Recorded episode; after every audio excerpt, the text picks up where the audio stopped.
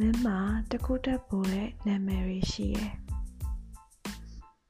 ဒီစကားလေးကိုစိတ်အေးထားပြီးတော့မင်းဘဝကိုတိတက်ပို့ပြီးတော့ပြန်ချက်ကြည့်လိုက်ပါမင်းကိုမင်းစကလုံးတစ်လုံးနဲ့ပုံဖော်ကြည့်ပါမင်းကိုကိုစားပြုနိုင်မဲ့စကလုံးတစ်လုံးကိုရွေးချယ်လိုက်ပါ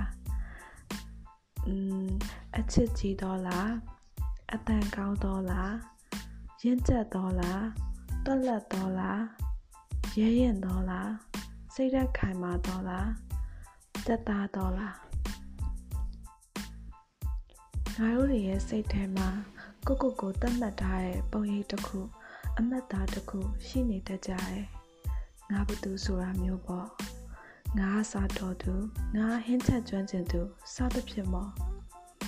ယောက်ယောက်ကများငါတို့တမိုးထားတဲ့အဲ့ဒီအချက်ရက်တည်မှုကိုထိခိုက်လာမယ်ဆိုရင်ငါတို့တွေဟာတိုက်ပွဲဝင်မှုအသက်အနေထားဖြစ်သွားတတ်ကြတယ်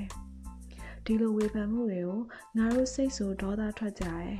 ငါတို့ကိုမကောင်းပြောပြီးတိုက်ခိုက်ပြီးဆိုပြီးယုံကြည်သွားတတ်ကြတယ်ရှေ့ဆက်တိုးဖို့အားကုန်နေခိုင်းမှာ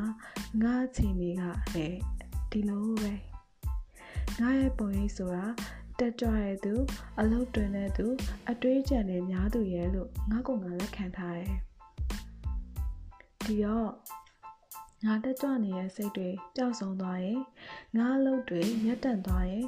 စိတ်သက်ကြဆင်းပြီးလို့ငါလက်ခံထားတဲ့ငါမဟုတ်တော့ဘူးလို့တွေးလာတဲ့အခါကျရင်ပူပန်လာတယ်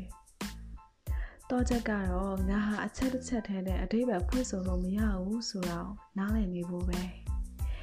ငါဟာအမြဲတမ်းအလုံးမတွင်နိုင်ဘူး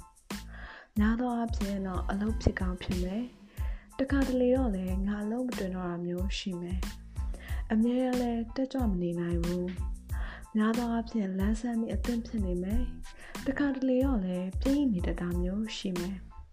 အတွေးကြံဆိုတာလဲတသက်လုံးအကောင်းတွေကြီးပဲဘယ်ရှိနေနိုင်မလဲ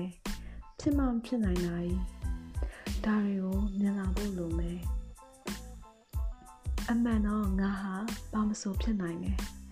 ဒီအချက်ကိုနားလည်လိုက်ရုံနဲ့ငါဖြစ်နေတဲ့အခြေအနေတော်တော်များကိုလက်ခံနိုင်ပါမယ်ငါဟာပုံစံကွက်တစ်ခုတည်းနဲ့ပိတ်မိနေတာမဟုတ်တော့တယောက်ယောက်ကငါလုံရက်ဟာအကောင်းဆုံးမဟုတ်ဘူးလို့မြင်လဲကိစ္စသိမရှိတော့ဘာလို့ဆိုအမြဲတမ်းတော့ငါလည်းဘဲတော်နိုင်မလဲငါမှားရအများကြီးလုံမိမယ်ငါဟာပြည့်ပြည့်စုံမှုလိုအပ်နေလေအောင်မယ် ဒါပေမဲ့ okay ပါရဲ့နေသားပါရဲ့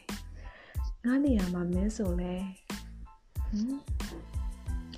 say cheese